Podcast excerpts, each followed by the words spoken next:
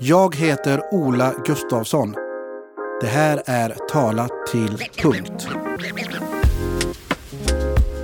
Lars-Göran Thomas Lamberts född den 17 februari 1950 i Kisa, Östergötlands län. Välkommen hit Tack så du till podden Tala till punkt. Varsågod. Du är född i Kisa i Östergötland. Jag är född där. Hur var uppväxten? Mycket trygg, mycket harmonisk, eh, inga bekymmer.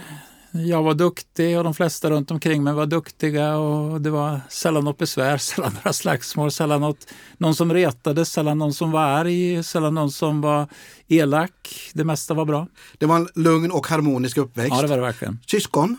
Två syskon, en äldre syster och en yngre syster. Ja, då hade du, fick du din vilja fram då eller var det de som...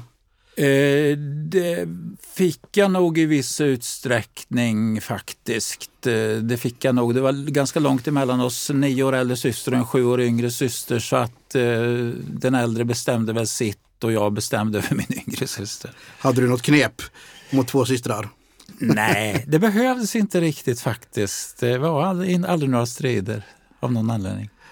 Och Kisa då som ligger i Östergötland, det är ju känt också för eh, Alexanderrånet. Ja, det får man väl säga att det är. I, flera år senare. Men sen då så flyttade du till Uppsala. Vilket år var det? Det var 1971 som jag flyttade dit. Jag gjorde lumpen året 71-72 och sen började jag plugga juridik. Varför just Uppsala? Det var för att tolkskolan låg i Uppsala och för att det sen eh, finns ett universitet där som var lämpligt att studera vid om man ville läsa juridik och det ville jag. Så att det passade bra av båda de anledningarna. Och när bestämde du dig för just den juridiska banan? Vad var det som, som intresserade dig där? Jag gjorde egentligen det för att jag ville bli diplomat, hade jag fått för mig. Eh, och det eh, då fick jag veta att då var det bra att plugga juridik och sen när jag väl hade kommit igång och plugga juridik så märkte jag att det var någonting som jag gillade i sig och att jag passade för det. Så sen blev det att jag stannade inom juridiken istället för att bli diplomat. För mellan 2001 och 2009 var du justitiekansler. Ja. Och 2009 till 2017 var du justitieråd i Högsta domstolen. Ja. Hur kändes det?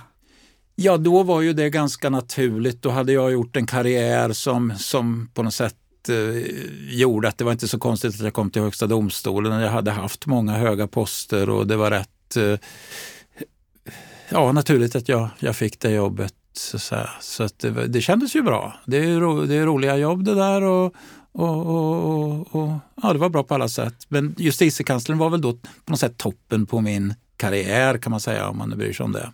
Hur mycket makt har man i en, i en sån position? Som JK har man rätt mycket makt. Man har ju tillsyn över myndigheterna och man för statens talan i skadeståndsmål och i en del andra mål om det blir några sådana. Så man, man är kan man säga regeringens och statens främste jurist och där ligger en del makt. Man kan styra och ställa på alla möjliga sätt. Blir det en, en slags njutning att ha så mycket makt? Känner man det? Ja, det får jag nog erkänna att man kände. Alltså att man blev lite uppfylld av den där maktpositionen och tyckte att det var trevligt och härligt att få bestämma så mycket och kunna betyda så mycket på olika områden som man kunde. Jag får nog erkänna att jag blev lite uppfylld av det. Men sen var du också politiskt aktiv i, i Socialdemokraterna?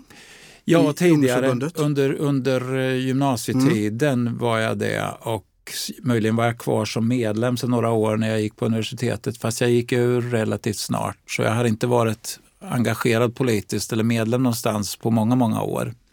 Du var ju kvar fram till din pension då till 2017 som justitiekansler. Vad var höjd... Justitieråd var Justitieråd jag då. Mm. säger vi. Ja. Förlåt. Mm. Eh, vad var höjdpunkten under de här åren? Finns det något Höjdpunkten kan... var nog till åren som justitiekansler 2001 till 2009. Eh, sen var det ju på något sätt någon slags krona på verket att få vara domare i Högsta domstolen. Men, eh, men höjdpunkten kändes nog ändå som åren då, de åtta år då jag var justitiekansler då jag hade rätt så mycket att säga till om på olika sätt och var rätt så uppmärksammad i medierna och sådär. jag flöt på någon slags framgångsvåg tyckte jag väl då. Har du alltid varit en person som njuter av den uppmärksamheten och sökt dig till jobb och tjänster där du får den uppmärksamheten? Nej, det har jag nog inte. utan Det var nog först när jag blev justitiekansler som jag upptäckte att det var eh, rätt så skönt att ha medierna på min sida och medierna mm, brydde sig mycket om vad jag gjorde och det tyckte jag var rätt härligt va? att få den makten. Annars hade jag nog inte tänkt så mycket på det utan då var det mer en, en fråga om att och, och, och göra karriär på ett fint sätt om jag säger så. Om jag säger år 2006 och Sveriges Radio i en intervju där du fick eh, hård kritik mot påstådda brister i, i det svenska rättsväsendet. Kommer du ihåg någonting från den intervjun? Ja, om det är den intervju då, då jag eh, först kritiserade både domare och eh, doms och poliser för att inte riktigt göra sitt jobb. Då kommer jag ihåg den.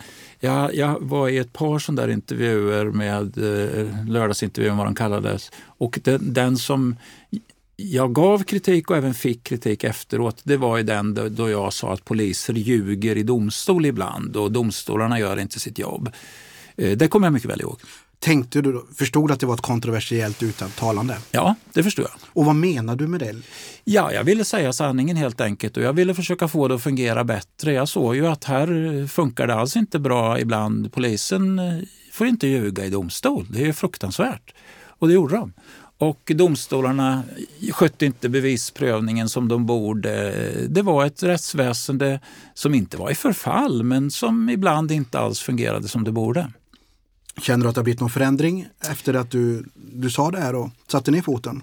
Ja, det är svårt för mig att bedöma men vad jag har sett är att domstolarna skriver mycket omsorgsfullare sedan dess. Alltså där har det skett en förändring de senaste 15 åren så att domstolarna är mycket omsorgsfullare, noggrannare, utförligare när det gäller att motivera sina domar. Och det är en förbättring. Eh, sen har jag ingen överblick i övrigt så jag kan säga hur det fungerar hos polis och åklagare. Det kan jag inte göra. Och, och, och, jag skulle säga att det är inte alla poliser då, men, men de, det, i, det, i de fallen det händer att poliser ljuger, vad kommer det sig att man ljuger i, i ett så pass allvarligt skede? Ja, det är ju en väldigt bra fråga. Och jag tror att det kommer sig av att man har en lojalitets känsla. Man vill varandra väl och man vill inte bli utsatt för att bli fälld i domstol för misshandel till exempel. Det betyder ju enormt mycket för en polis att, att eh, huruvida han eller hon blir fälld för misshandel eller kommer undan. Och då hjälper man varandra. Det finns en kåranda eh, som, som åtminstone då var väldigt stark. Det, jag tror att det var huvudanledningen. För jag tror att det är så, utan att ha belägg för det, så tror jag att gemene man känner att, att polisen klarar sig. Ja. Oftast. Ja. Vi har ju sett flera fall ja. i Sverige där, där det är svårt att få poliser dömda. Ja, ja men det, det tror jag också att det, det, det är nog svårare. Det, det, är ganska svårt. Och huruvida det fortfarande finns poliser som ljuger för att skydda varandra, det vet jag inte. Men jag vet att det finns ordningsvakter som skyddar varandra och ljuger, på, ljuger eh, för att hjälpa varandra. Det, det förekommer än idag. Det höll jag också på med en hel del. Va? Och det, det ser man exempel på än idag. Ja, och då ska vi säga också att det gäller inte alla ordningsvakter. Absolut för att vi ska kunna Absolut gå helskinnande inte. härifrån Absolut inte. Det studion idag. det var därför jag uttryckte mig så. Ja. Det finns ordningsvakter som ljuger. Jättebra. Och det, det, är ju tre saker jag eh, verkligen har bjudit in det här idag Göran. Jag är oerhört mm. glad att du kunde ta dig tid att komma hit. Och det är tre ämnen. Det är Kvickaffären. Vi kommer prata lite Palmemord och så är det eh, händelsen som hände då eh, den där sommaren. Vi ska inte nämna den här flickans namn men eh, men det är de här tre sakerna som är, är eh, en stor del av ditt liv ändå. Eh, Kvick och, och Palme och, och det här händelsen. Du de har gjort mycket annat men de har blivit uppmärksammade. De senaste åren så är eh, Palme lite grann vid sidan om men, eh, men, men Kvick-ärendet absolut, det har jag ägnat mycket tid åt de senaste tio åren faktiskt. Och den här händelsen som var nu för ett drygt år sedan, den har ju tag, tog ju ett halvår. Under ett halvår så tog det rätt mycket av min tid. Jag skrev en bok och lite andra saker. Om jag säger då Thomas Quick, ja. vad, vad, vad, vad, tänker du? Vad är det första du tänker på med namnet? Det första jag tänker på är att eh, det svenska mediesamhället är eh, lite grann i förfall. Och det är det som är det allvarliga. Huruvida han har begått de här morden, vilket han ju har, eh, eller inte, det är inte det viktiga. Även om det för vissa personer naturligtvis är väldigt viktigt. Men det viktiga är att mediesamhället i Sverige inte förmår och inte ens vill söka sanningen. Det tycker jag är eh, rätt bekymmersamt och jag ser det ju på väldigt många andra håll också. Att eh, man, eh, man, man vill hellre dölja fel som man har haft och, och man gräver inte gärna efter eh, hur det verkligen var. Och i Kvick så har man nog förstått att man hade fel när man drev på som 17 och sa att det var en stor rättsskandal och nu lägger man locket på. Och vad var det som, som hände? För det började ändå bra, alltså ur er synvinkel och, och sen så föll det. Ja. Vad, vad, vad var det som hände? Som du utifrån din synvinkel nu Ja, det som hände var, om man ska försöka vara någorlunda objektiv, var ju att först så, så dömdes han för ett antal mord under åren 1994 till 2001. Och, och under tiden så var det mycket kritik från framförallt Jan Guillou och så småningom Leif GW Persson som sa att det, han döms på alldeles för lösa boliner. Han, han erkänner och så döm, döms han fast det finns ingen bevisning mot honom, sa de. Och så småningom så fångade Hannes Råstam, journalisten, upp det här och, och gjorde en, en tv-dokumentär där inriktningen var att försöka visa att Quick hade ljugit sig fram till sex fällande domar för åtta mord. Och sen hakade alla på där och sen fick han även åklagarna eh, med riksåklagaren Anders Perklev i spetsen och Kerstin Skarp som var biträdande riksåklagare fick dem att sätta igång en, en utredning som tror jag jag kan säga gick ut på att få Kvick friad snabbt och enkelt. Och så blev han friad. Och 2013 var det väl så kom han ut från, från eh, Säters sjukhus friad för alla brott och inte längre eh, rättspsykiatriskt farlig. Och allt det där från det att man eh, fri, eh, kom på att man skulle fria honom, det var det var otroligt slarvigt gjort. Va? Och där var det åklagarna och medierna som samverkade och inte undersökte vilken bevisning som fanns mot Kvick. Det är ju alltså så att det finns utomordentligt övertygande bevisning som, som visar att det är nästintill hundraprocentigt säkert att han begick de här åtta morden. Och hur, hur kan det då bli så att man först döms för oss som inte är lika insatta som du är mm. och sen då helt frias för det här? Och förstår du att vi som är utanför tycker du är ju uppseendeväckande. Ja, och eh, det, det är otroligt uppseendeväckande. Det, kanske, otroligt det har aldrig hänt tidigare det har aldrig hänt, Jag tror inte det har hänt någonstans i hela världen. Va? Eh, och det var, det var ett, en välskött eh, process fram till 2001. Men sen så gick det eh, över ända när journalisterna, tre, fyra starkröstade journalister fick åklagarna att eh, bli övertygade om att det bästa var att se till att Kvick blev friad. Jag vet inte riktigt hur de tänkte där, men de slarvade otroligt mycket. De undersökte inte vilken bevisning som fanns mot Kvick, utan det ser ut som om, om han, har, eh, han fälldes på på, på sina erkännanden bara och då säger man ja men han erkände bara för att få uppmärksamhet eller vad det nu kan ha varit eller möjligen att han, för att få medicin mot sin psykiska sjukdom och sådär. Och i själva verket så fanns det en massa bevisning mot honom som man mer eller mindre bortsåg från. Vi ska inte prata för mycket om Hannes Råstam som tragiskt nog inte är i livet längre, men Nej. du anser ju att han hade fel ja. i, i, i det här. På vilka grunder kände du att det var så fel? Alltså att jag eh, är fullkomligt bombsäker på att Kvick är skyldig till de här morden och att det inte var något fel då, det beror på att jag har gått igenom bevisningen mot honom. Det är det som är grunden för det. Jag menar, jag kan se att det eh, är bevisvärdet det är 99 procent eller mer för alla de här åtta morden, eller något är det 98 procent bara. Och då är, därmed är det fel att påstå att han är oskyldig och att säga att han är dömd på grund av sitt eget erkännande bara, det är ju fel därför att det var inte så. Det fanns massor med bevisning. Grunden är helt enkelt, det fanns en massa bevisning. Sen kan man resonera om en massa andra saker också. Men det viktiga för den som bedömer någons skuld, det är att titta på vilken bevisning som finns. Och här finns det oerhört övertygande bevisning. Får jag fråga om du har sett filmen? Kvick... Ja, det har jag gjort. Vad, eh, vad tänkte du inför den filmen när du skulle se den? Vad hade du för känslor? Ja, jag förstod ju vad det skulle bli för sorts film och man kan ju göra den sortens film och det var en relativt välgjord film med skickliga personer inblandade i den. Jag menar, om det hade varit på det sättet så hade ju filmen varit rätt bra. Och den är inte så dum så att säga. Den, han fick ju en Oscar, om det var David Dencik som fick den eller Jonas Karlsson minns jag inte, men någon av dem var det. Det var väl Dencik. Men helt fel då enligt... Eh, ja, alltså det är ju fel utgångspunkt. Man kan ju göra en sån film som inte speglar sanningen. Det gör man ju ibland.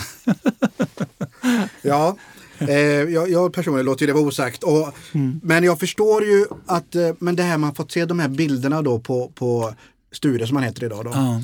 Nu nämner vi hans namn men ja. det är så pass stort ja, det det. så att alla känner till ja, det. är nog inget problem. Nej. Nej. Eh, Sture Bergvall, eh, när han ligger i skogen där och det här att han själv har sagt då liksom att han har fått mediciner för att erkänna vissa saker och sånt. Vad, vad anser du om det? Är, det? är det bara påhitt? Ja, det, det är bara påhitt. Alltså efteråt så har ju han ett intresse av att visa på olika saker som, som kan tala för att han faktiskt erkände utan att ha gjort det, att han lurades så att säga.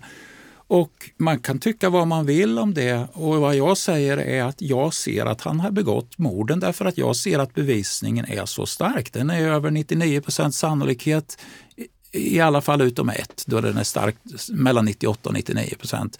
Och jag menar, då är man skyldig. Då är, det är ingen tvekan om det. Det, det finns sån bevisning som, som bara inte går att komma ifrån. Va? Och sen att man efteråt försöker få till det så att det ser ut som att man, man har ljugit och att man har varit bortom sina sinnen och allt möjligt. Ja, men det kan man ju kanske göra. Men jag, jag ser vad som har hänt. Vad är det, eh, ska jag säga också innan nästa fråga, vi har en liten bricka här med lite skärk och ost och salami och så har vi ett litet gott Amaronevin. Vi sitter här och eh, jag ser att mitt glas är mer, mer tomt än vad ditt är Göran, men det kan vi kanske åtgärda under, mm. under intervjun. Men vad, vad, är det starkaste du ser i Quick-fallet? Vad är den starkaste bevisningen? Vad anser du som är så insatt i det här är det starkaste mot honom? Det allra starkaste är, är nog likhundarna. Som, som, det är framförallt en likhund som eh, hittar de platser som Kvick pekar på i cirka tio olika fall.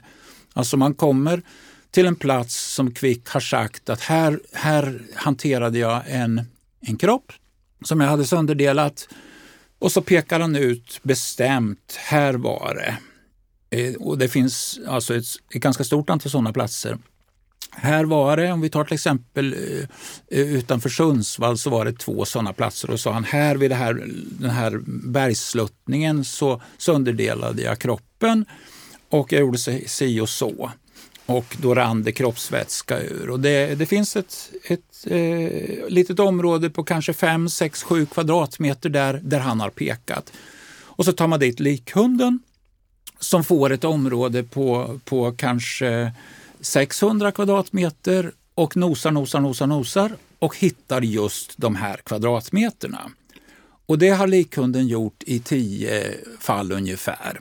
Och då man, måste man ju ställa sig frågan, hur sjutton om nu Kvick Bergvall inte begick det här mordet, hur bar han sig åt för att peka på just den plats i terrängen där hunden en vecka senare eller ibland en månad senare eh, skulle komma att markera? Hur bar sig Kvick åt? Hur sjutton bar han sig åt för att peka på just den platsen tio gånger? Den frågan har jag ställt många gånger och det är ingen som kan svara på den utan vad de säger är i så fall, så där kan det inte ha gått till. Men det var just så det gick till. Då menar du också då att rätten och de här hävdar att det här inte är sant? Ingen domstol har friat Kvick. Ingen domstol har fått tillfälle att pröva den där bevisningen utan det blev nedlagt sedan åklagarna bestämt sig för att, att, de, sku, att de skulle inte driva målet mot Kvick. Så att det finns ingen som har frikänt honom. Utan det är bara åklagarna som har sagt att vi vill inte driva det här, vi tror inte på en, en fällande dom efter resning. Det blev ju resning för man sa att eh, när han nu inte erkänner så måste vi ha resning. Då ska det prövas på nytt. Och då sa åklagarna vi vill inte ta upp det här på nytt, vi tror inte på en fällande dom. Och då fick åklagarna bestämma i praktiken. Va? Domstolarna har den formella Eh, beslutande rätten så de säger okej okay, då skriver vi av och så är han formellt frikänd. Men det var åklagarna i praktiken som bestämde. Ingen domstol har prövat bevisningen förutom när han dömdes. Och vad kände du när det här beskedet kom? Det måste ju varit ett, en örfil, ett slag i ansiktet. Alltså, på allt jobb du har lagt ner och eh, ja, ni är övertygade? Ja, först, först så trodde jag att jag hade haft fel. Så att jag tänkte, ja, oj, erkänner han inte längre utan säger att han sa fel, ja men då, då måste jag ha haft fel då. Och eh, då får jag väl acceptera det. Och jag sa också det till, till eh, Sveriges Radios Jörgen Wittfeldt som, som var den som närmade sig mig och sa vi ska ha en Kvick special 2012 på sommaren. Och vill du vara med? Ja, sa jag. Då blir nog min hållning det här att ja, ja, då hade vi väl fel då. Men eh, Eh, det var förståeligt mot bakgrund av det och det. Men sen när jag granskar bevisningen ytterligare en gång och granskar den ännu noggrannare med hjälp av mina kollegor, om jag får kalla dem det, då, som har varit åklagare och polis och, och dem, då ser jag ju det här. Då, då ser jag ju att bevisningen är ramstark. Så då, ja, då ser jag det inte som en, en käftsmäll utan som ett rejält miss, misstag, en smäll vid sidan om så att säga. Så sov du någonting den natten? Ja då. Eller hade du fått någon indikation på att det skulle bli så här? Ja, alltså det har, det har, ju kommit långsamt framåt. Va? Alltså det, det hände inte plötsligt över en natt utan Råstam kom till mig när jag var JK och sa nu ska jag göra det här. Och sen så sändes hans eh, dokumentär 2008 och då såg man vad det ledde till och så tänkte man ja men folk kommer väl att fatta ändå. Och sen så småningom när han när han eh, när, när alla ändå gick med på det här och åklagarna ställde sig på Kvicks sida och, och, ville få honom frikänd och så, så blev man ju allt eftersom mer förvånad. Va? Men det hände inte över en natt, så att säga, utan det, det hände under, under några år egentligen. Det började 2008 och sen så fortsatte det fram till 2013 när allt var klart. Och det var ju med stigande förvåning som jag iakttog att ingen, ingen gjorde sitt jobb.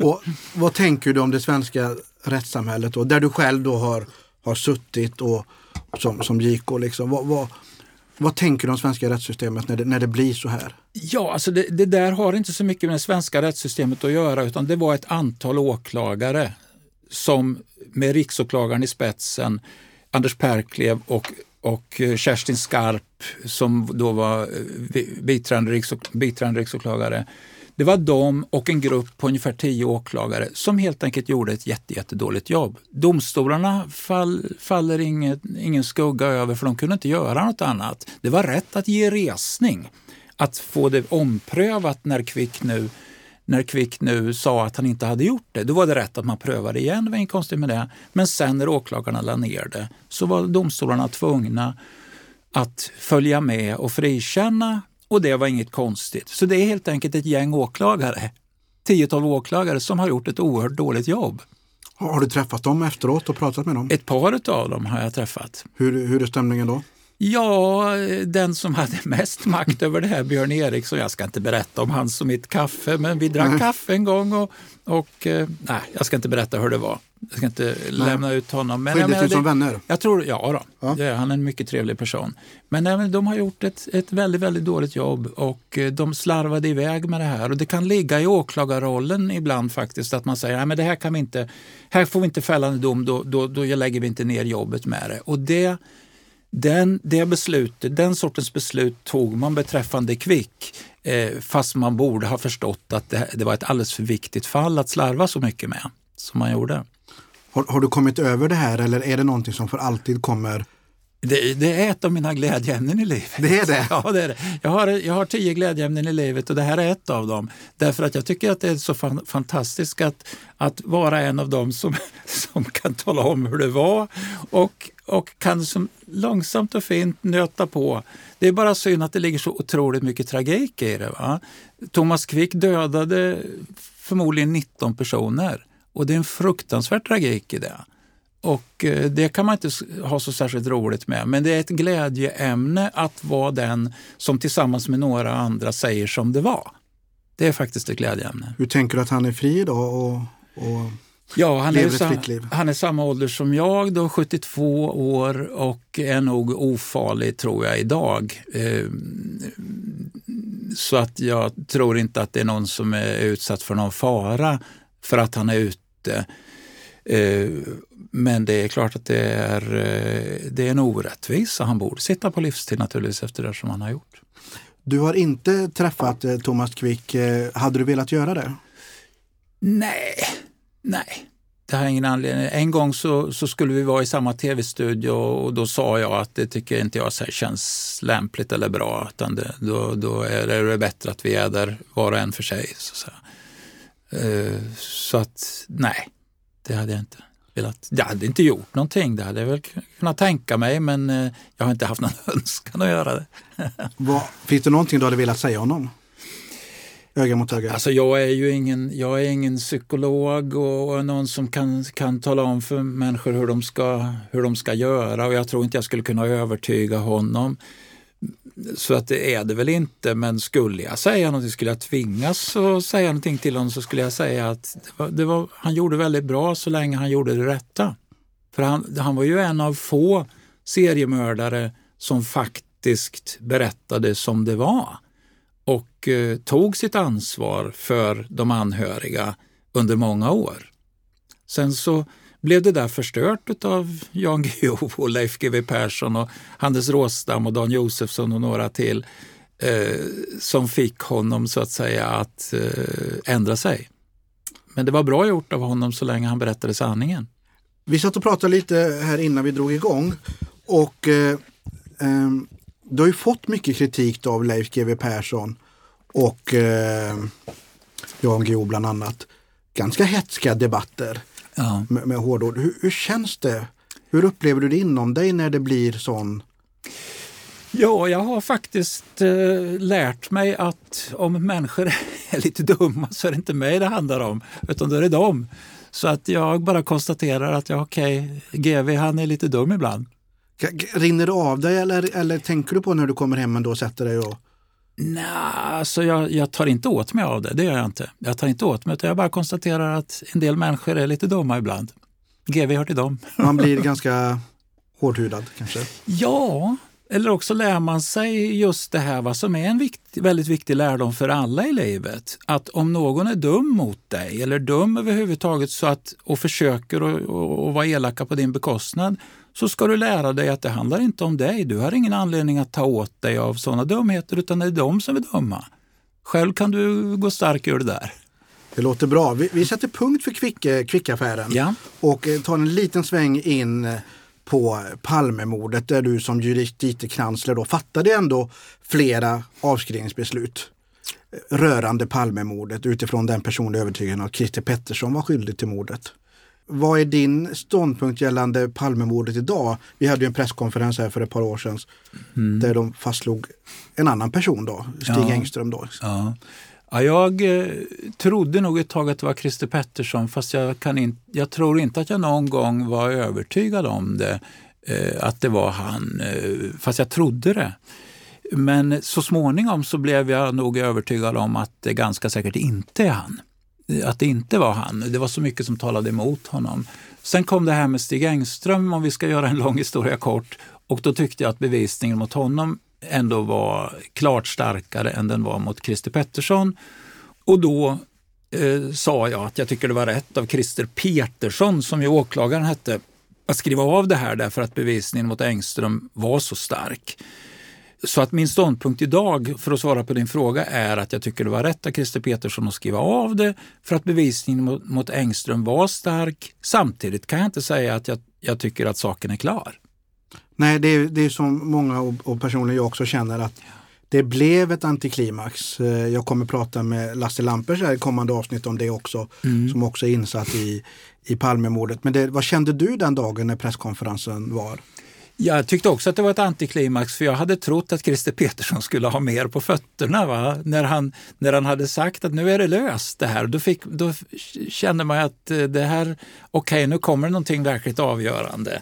Eh, som de flesta trodde. Och så hade han inte det utan han hade bara det som egentligen alla visste om Stig Engström.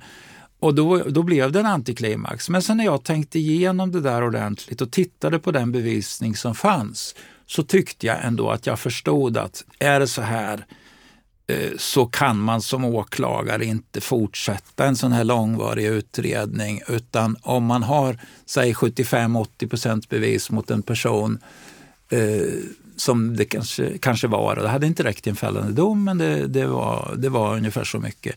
Då, kan man, då behöver man nog inte fortsätta utredningen. Men jag är öppen för att, att eh, hittar man andra saker, hittar man nya saker som man ju har gjort också, så, så, så lyfter, man upp, lyfter man på locket igen och fortsätter. Jag har ingen riktigt bestämd uppfattning. Man skulle gärna vilja ha Palmemordet bestämt löst, det måste jag ju säga. Tror du att du kommer få en lösning? Nej, inte någon mer lösning än den vi har idag. Och det här med att man, det är en person som inte längre är i livet, då, Stig Engström, mm. som inte kan försvara sig, som ja. inte fick någon, någon försvarare, mm. eh, men ändå då blir presenterad som den ja. eh, sannolika mördaren till vår statsminister. Vad anser du om det? Kan man göra så på det sättet? Det kan man göra, även om jag tycker att man kunde ha varit lite mer försiktig i utpekandet än man var nu. Va? Nu presenterades han som mördaren en gång för alla. Man borde ha sagt kanske att det här är det finns en del som talar, talar för att han gjorde det, det finns en del som talar emot det och han har inte, fått någon, han har inte haft någon försvarare, han har inte eh, fått möjlighet att berätta sin historia och vi kan inte slå fast att han gjorde det. Så jag tycker att man skulle, precis som JO sa, Per Lennebrant, JO, sa, eh, så borde man ha varit försiktigare i utpekandet. Det tycker jag nog. Men din ståndpunkt är ändå idag att det, det är Stig Engström som är... Jag tror det, men jag, jag vet inte. Jag, jag, jag, är, jag, skulle inte döma Stig Engström idag på det material som finns. Men om jag ska säga vad jag tror, så tror jag det. För visst fick du också, precis som jag, kanske många andra med oss, en känsla när vi såg Christer Petersson i den här intervjun i Veckans brott. Ja. Där han satt och nästan, han smålog och var väldigt övertygad om att han ska presentera vad som hände den kvällen. Ja. vi trodde alla att det kanske finns ett vapen, det kanske finns ett DNA. För mördaren har ju lagt sin hand på Palmes rock och så kom det ingenting. Nej. Nej, precis. Fick du någon förhandsinformation? Nej, det... nej, nej, ingen förhandsinformation. Jag trodde då också att det skulle komma någonting mer. Alltså, det trodde jag, för att han, han verkar ju så säker då, Christer Petersson. Alltså, man trodde att det fanns någonting mer avgörande. Ja, det är en erfaren herre och, ja. som har varit med länge. Så att, ja. eh, men vi får väl leva med det helt enkelt, att eh, det är som det är. Jag tror att vi får leva med det. Jag tror att vi får leva med det. Om det inte är någon som pratar. Men, men mm. jag är av din uppfattning att eh, som det ser ut nu så är det ingen annat, inget nej, annat alternativ. Nej, nej, tyvärr är det nog så. Det mm, finns ju ett vittne då, Lars Jeppsson då, som har stått där bakom barackerna och ja. sett den här mannen springa upp. Och Stig Engström har ju pekat ut Lars Jeppsson. Mm, och det är ju bara mördaren som kan ha sett honom. Så ja, att det, det är ju svårt att komma ifrån. Ja. Eller svårt att komma runt som man säger. Ja, som man säger. Som man säger. Sen så finns det ju de som, som har, har idéer om det där också, att mördaren kanske inte alls sprang upp för trappan utan kanske istället gick in på, på restaurangen som ligger där i hörnet. Men eh, jag tror att det är ganska säkert att mördaren sprang upp för trappan och signalementet som de gav där uppe, vittnet Nieminen framför allt, stämmer rätt bra på Engström. Och, och det finns ju inte bara Thomas Petterssons bok utan det finns även en bok som Lars, vad han nu heter i efternamn, har skrivit eh, som är rätt så övertygande, som är inriktat också på att det, det bör vara Engström som är mördaren. Så att läser man de böckerna, nu har ju Lampers lite en annan uppfattning än vad Thomas Pettersson har, men Thomas Pettersson har å sin sida kritiserat Lampers. det är svårt att veta vem som har rätt. Alltså de där som, vars namn vi nämner nu, de kan ju naturligtvis mycket mer om det här och då ska väl Gunnar Wall och Lars Borgnäs nämnas också för de, de kan ju verkligen det här. Jag hör inte till de som kan det här bäst på något sätt. Va? Utan jag har bara i stort sett, jag har läst alla böcker omkring det och jag har läst det material som har blivit publicerat, tror jag, i stort sett allt. Men jag, jag har inte funderat tillräckligt mycket för att kunna säga att jag, jag är bombsäker på det. här. Det har jag inte. Det låter bra. Vi sätter punkt för även Palmemordet där och eh, går till det som ligger kanske närmast i mannaminnet då, den där händelsen som utspelade sig 8 mars 2021 blev du anhållen för eh, det var våldtäkt. Misstänkt för våldtäkt. Misstänkt för våldtäkt. Ja, och anhållen. Precis, och vi ska kalla den här tjejen för Emma som du gör i din bok också. Ja. Vad var det som hände? Från början? Ja, det som verkligen hände var att hon och jag hade känt varandra i ett knappt år träffats en gång, kommunicerat rätt mycket på Messenger. Och eh, sen bjöd jag hem henne att fira jul hos mig om man ska göra en lång historia kort. Hon kom mitt på julafton och sen hände det här som det här handlar om sent på julaftonskvällen kring midnatt mot juldagen då hon säger att jag våldtog henne på så sätt att hon var däckad av berusning och tabletter och, och, och var borta och så hade jag sex med henne då. Och Det som i själva verket hände var att vi hade ett vanligt samlag där hon var fullt medveten om allt som hände. Och eh, hade visserligen druckit mycket och eh, jag hade druckit rätt mycket också. Men där vi gick upp till, från köket som är på nedre botten i mitt hus till min säng där uppe och hade sex, missionärssex, så säga, efter att jag hade tagit en halv Viagra, brukar, brukar berätta också, även om det är lite pinsamt. Så, så var det och jag vet ju att hon var fullt medveten om det här. Så att jag vet att hon ljuger när hon, eh, när hon säger att hon inte var vaken. Jag tänker, vad tänkte du?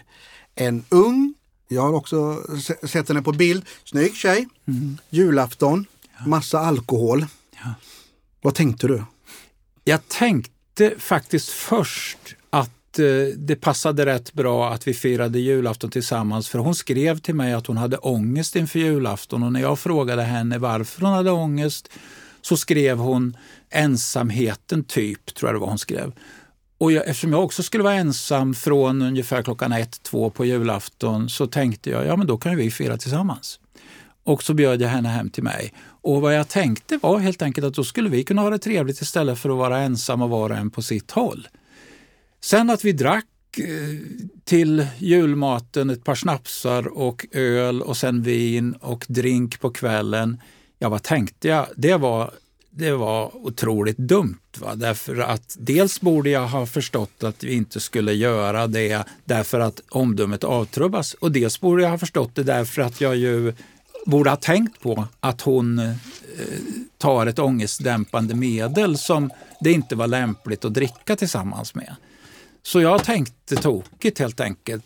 Det, skulle vara en trevlig julafton och jag tänkte inte på följderna. Och jag, jag var ju omdömeslös genom att jag hade sex med henne.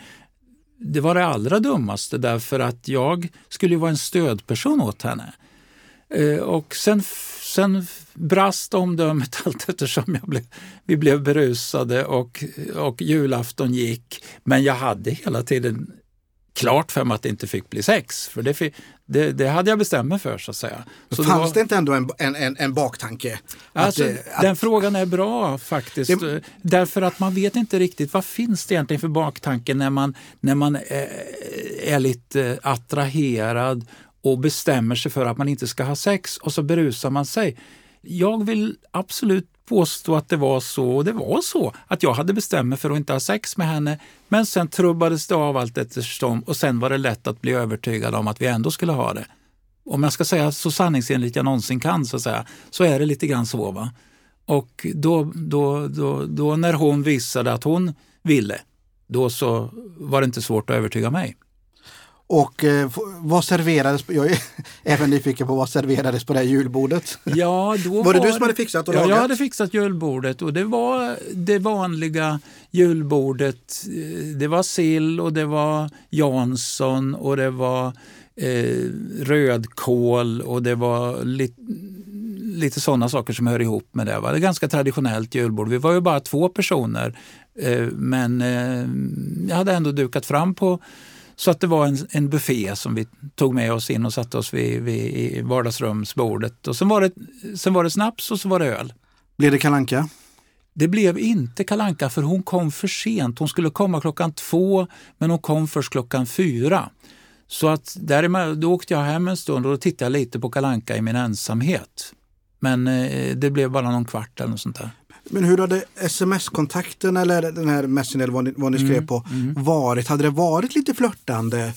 Att det låg lite i luften att hon var intresserad? Och, och Nej, det tycker jag inte att jag kan säga att det hade varit. Sen när man tittar på det efteråt så kan man väl möjligen eh, se att någon gång det, när hon säger kanske är att hon eh, möjligen vill ha någon öppning till någon relation med mig. Det vet faktiskt inte jag det, det, skulle man möjligen kunna misstänka. Andra säger det när de ser de här texterna. Så säger de det är väl klart att hon ville ha dig som någon slags sugar daddy, säger en del personer. Och det är möjligt att det var så. Jag vågar inte säga det. Eh, men jag, jag, jag hade inte en känsla av att nu kommer hon hit och sen ska vi ha ihop det. Det hade jag verkligen inte. För eh, kan det vara så att det var din ställning, din höga ställning som attraherade, att det var det som var det, det skapar en attraktion från hennes sida tror du? Det är möjligt att det kan vara det att jag var en ganska bekant jurist och att hon pluggar ju juridik. Eh, och, jag, och hon hade just då inte någon fast relation utan det var lite skakigt i den relation hon hade. Och eh, det kan ju hända att en person som jag som var relativt uppburen och som har en hygglig ekonomi och ordnad tillvaro kunde vara på något sätt attraktiv jag vet faktiskt inte. Jag vet ju att det kan fungera så ibland för en, mellan en del män och kvinnor. Alltså. Ja, alltså, jag, kom, jag kan ju inte komma ifrån det Göran, att en, en, en herre i din aktvärda ålder, en ung juridikstuderande tjej, ses på julafton. Det är en del alkohol.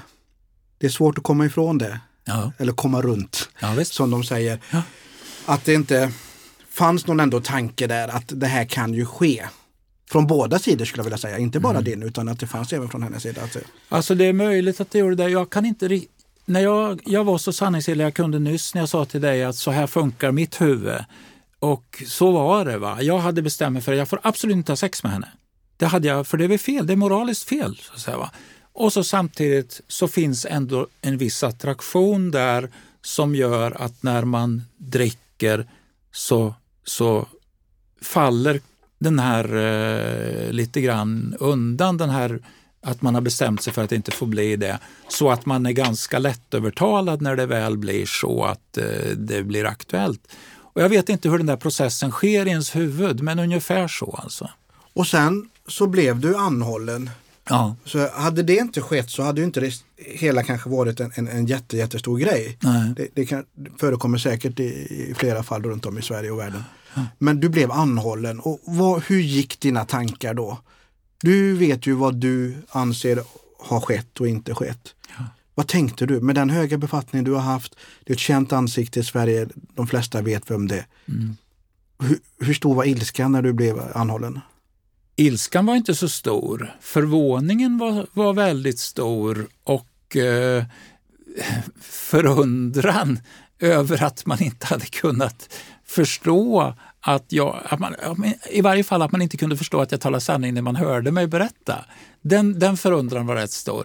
Efteråt så har jag väl tänkt att nej, men det kanske inte var så himla lätt att förstå att det var jag som talade sanning och inte hon. Men jag vet ju samtidigt att hon gjorde ju några misstag som man borde ha sett att den här tjejen är inte trovärdig.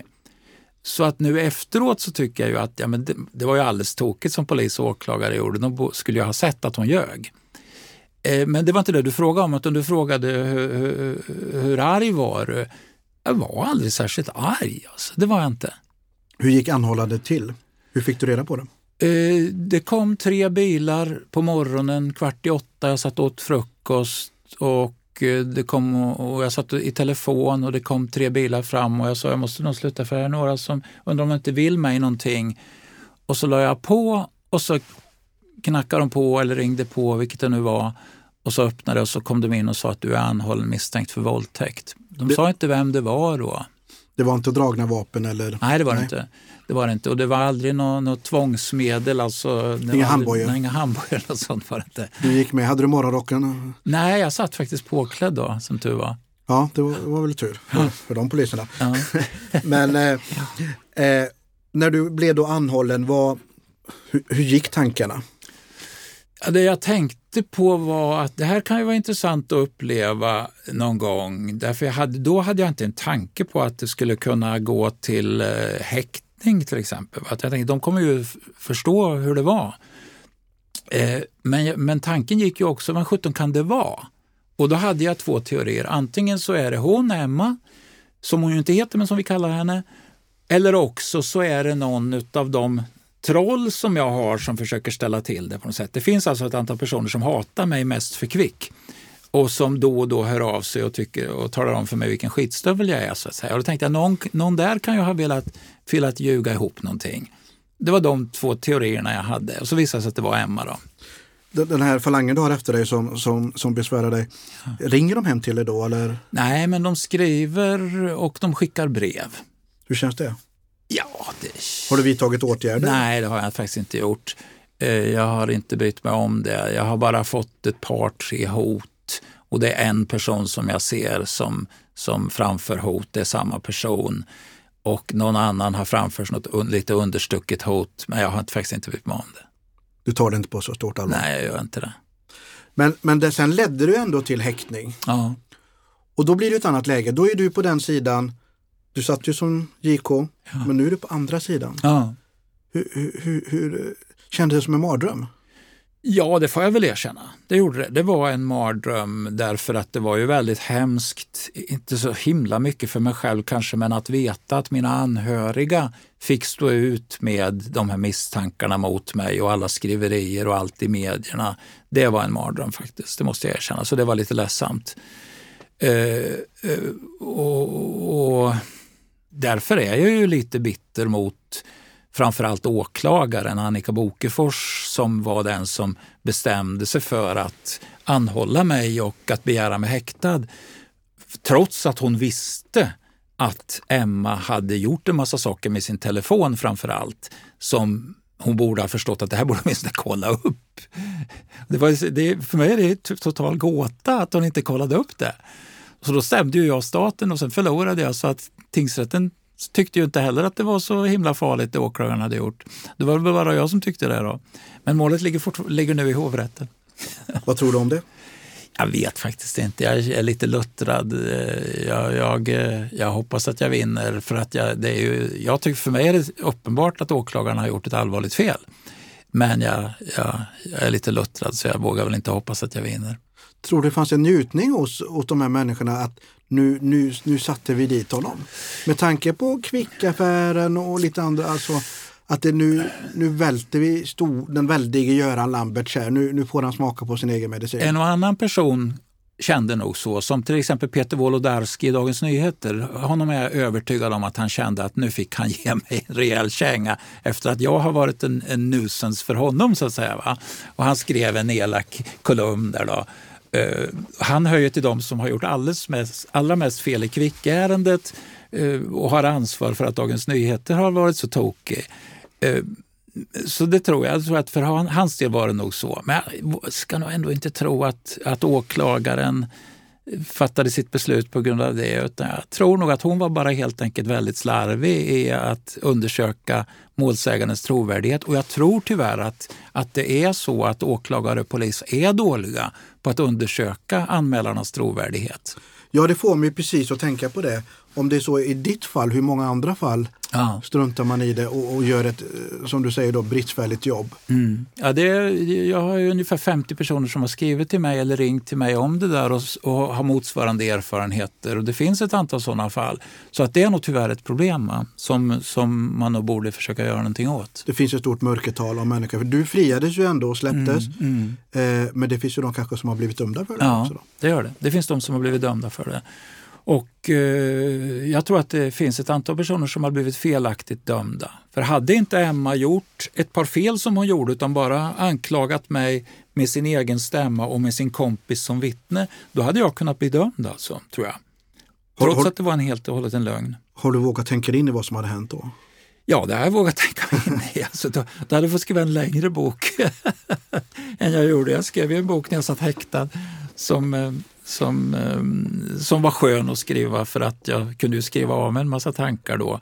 Men hade jag fått sitta i två år så hade jag fått skriva en längre bok då.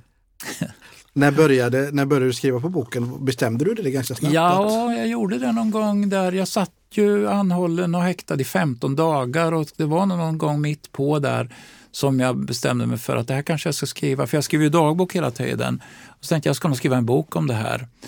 Och det står ju i boken när jag bestämde mig för det, men jag har det inte riktigt i huvudet nu. Men någon gång där mitt under häktningstiden så bestämde jag mig för det. Då började jag skriva den också, så att jag var nästan klar med den när jag släpptes. Va? Det är otroligt i sig. Ja, det var ju rätt fantastiskt att man kunde göra det, skriva för hand. Alltså, det trodde jag inte mig själv om. hur, hur, hur var handstilen? ja, den är ju inte så snygg, så att säga, men jag kan ju själv läsa den i alla fall. Sen skrev jag av den då på, med datorn. Hur såg en dag ut i häktet när du satt där? Ja, det var väckning vid sju ungefär och eh, frukost och sen eh, en del dagar hände ingenting förutom att man fick lunch och middag. Andra dagar så hände det att man fick eh, gå och titta på film och träna om man ville. Och så fick man varje dag en promenad i tårtbiten, eh, i friska luften så att säga, om man ville. Träffade du andra fångar? Eller? Nej, det gjorde jag faktiskt aldrig. Fanns träffade... det någon plan med det, att de ville skydda dig? Ja, de frågade mig om jag ville ha samsittning, men det sa jag det vill jag inte för jag satt ju och skrev och behövde vara i fred så att säga. Så att det hade jag väl fått då kanske, men eh, jag hade ju restriktioner också så jag fick ju inte se på tv och, och inte gå ut på internet. Hur må, vi är ju så vana idag Göran att titta på tv, vi tittar i mobilen, vi tittar på filmer. Hur var det att vara avskärmad från allt det? Ja, det var väldigt, väldigt konstigt faktiskt. Det var väldigt, väldigt konstigt för att jag tittar på min telefon och min dator och ute på internet många, många gånger varje dag. Och att plötsligt eh, vara bort, avskärmad från, från det var enormt konstigt. Fast man vande sig alltså. Det måste jag säga. Man blev van vid det också. Så det, tv gjorde ingenting. Att, att inte ha koll på nyheterna gjorde inte så himla mycket. Ehm, men man hade velat lyssna på radionyheterna en gång om dagen åtminstone. Handen på hjärtat, har ni haft någon kontakt nej, efter det här? Nej, väl haft. Finns det någon vilja hos dig att få prata med henne och, och få reda på vad som hände? Att... Nej, jag förstår vad som hände och det finns ingen sån vilja. Men någon frågade mig häromdagen, skulle du förlåta henne? Eh, och då säger jag, nej jag vill inte förlåta henne, men skulle hon be om förlåtelse så skulle jag väl säga, ja jag förlåter dig. Men jag menar, hon kommer väl aldrig att be mig om förlåtelse för det där. Men skulle hon be om förlåtelse, då skulle jag förlåta henne därför att jag tycker att förlåtelse är så viktig. Och eh, Finns det något du skulle vilja säga till henne om hon lyssnar på det här? Finns det någonting? Ja, det var en bra fråga. Det har jag inte tänkt på, men då skulle jag väl vilja säga att ska du leva ett någorlunda gott liv nu framöver så bör du övergå till att vara ärlig. Det är mycket lättare att leva då. Fint. Sen kom presskonferensen. Ja. Den, den är ju många som kommer ihåg. Mm. I din trädgård. Och jag vet, vi satt och pratade lite här innan och jag frågade dig, eh, var det inte så att du njöt av det? Liksom, du kom ut, ett häktad, anhållen, häktad, frikänd. Du anordnar en presskonferens i din egen trädgård hemma hos dig. Kontroversiellt och aldrig hett innan vad jag vet på det sättet. Eh, fanns Sveriges Television direktsände. Vad tänkte du? Kände du som jag frågade innan vi satt och småpratade, var det en slags revansch?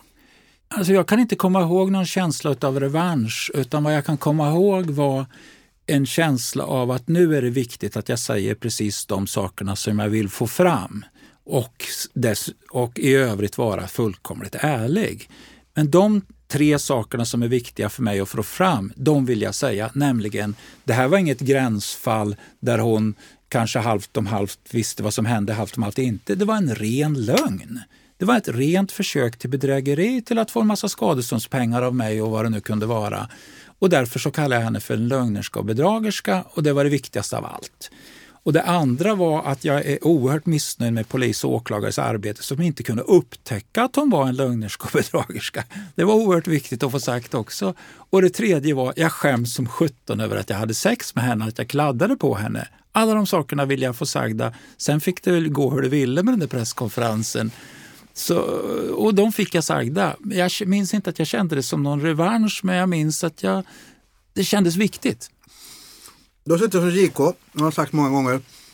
Du vet regler och liksom vad man får säga. Ja. Men ändå nämner du hennes namn två gånger. En gång. En gång. Mm. Var kommer det sig? Var det ren glömska? Eller ja, det var, var, det, det var ren fadäs. Det råkade komma ur, falla ur mig helt enkelt.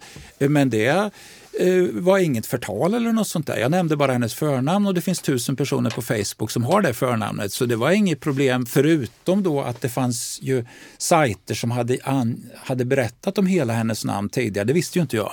Men det var det ju, så att hennes namn var känt. Och när jag sa hennes förnamn så bekräftade jag ju det som hade stått i Stoppa pressarna till exempel.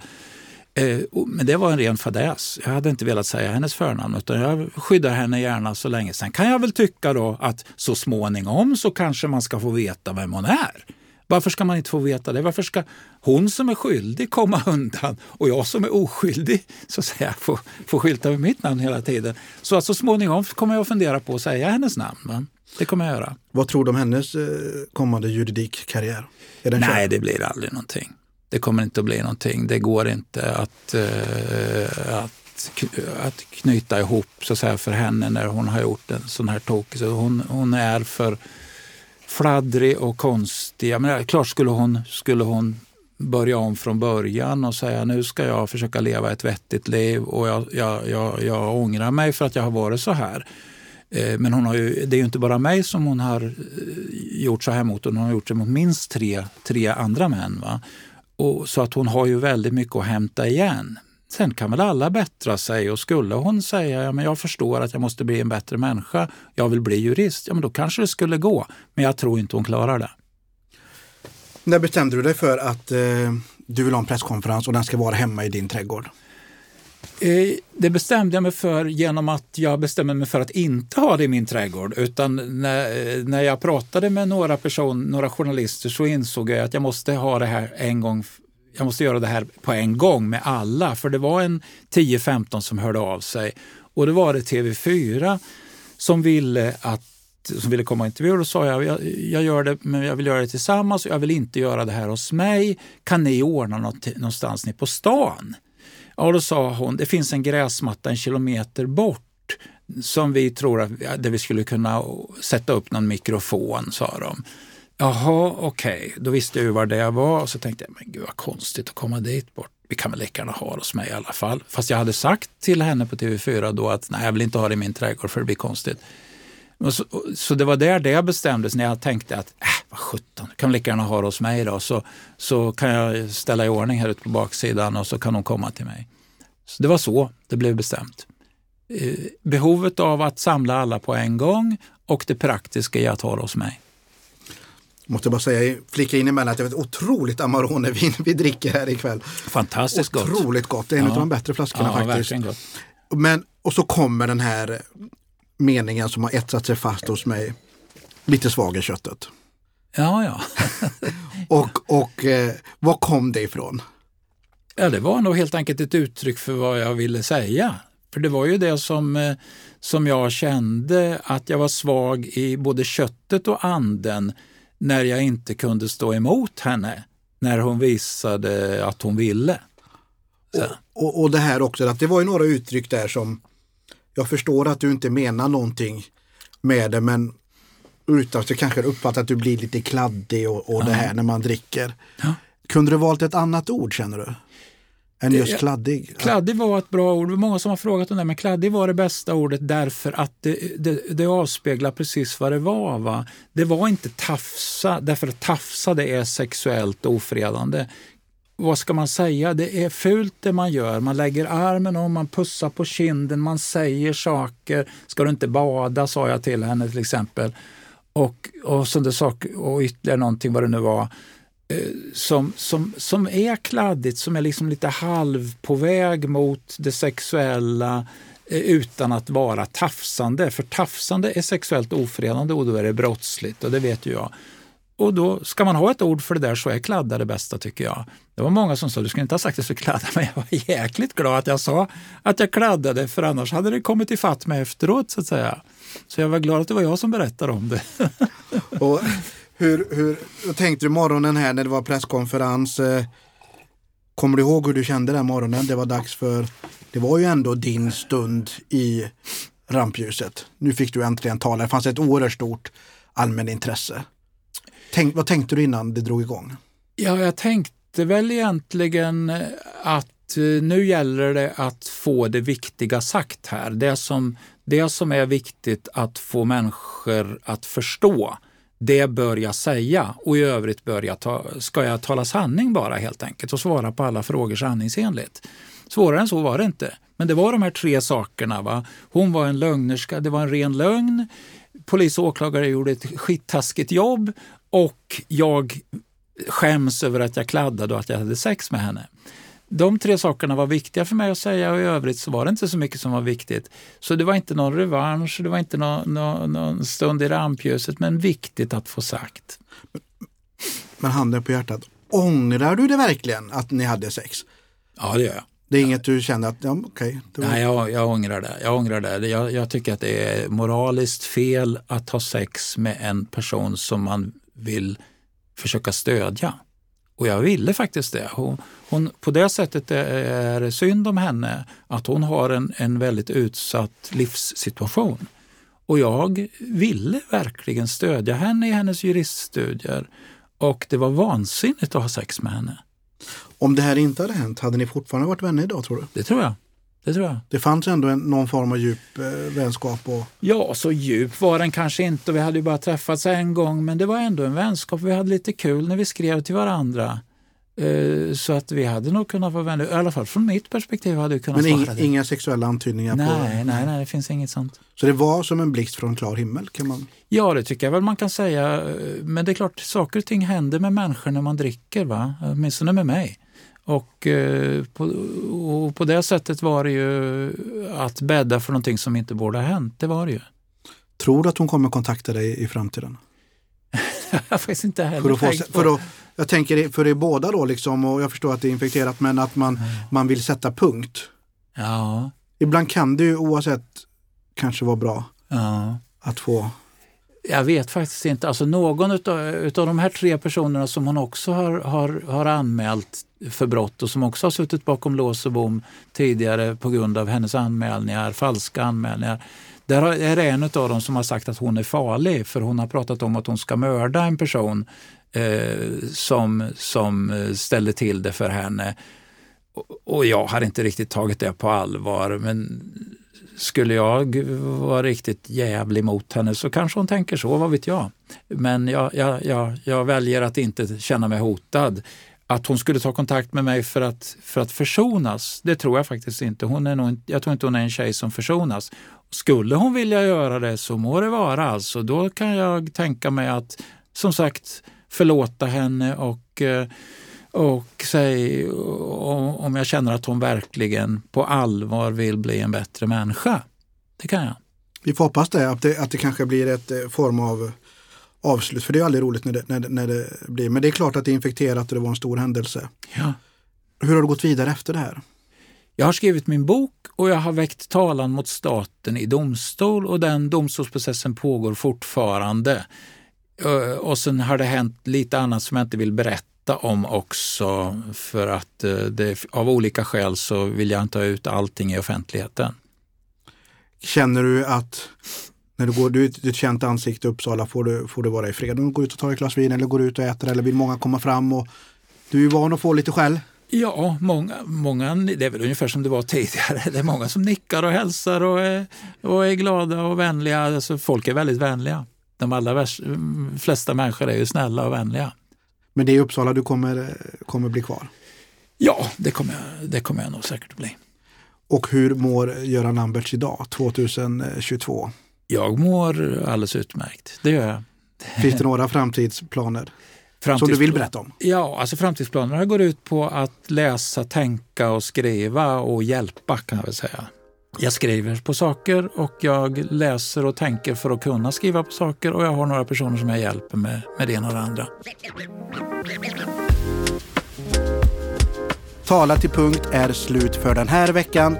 Jag spelar in min podd hos Red Means Go i Stockholm och ja, jag heter fortfarande Ola Gustafsson. Vi hörs nästa vecka.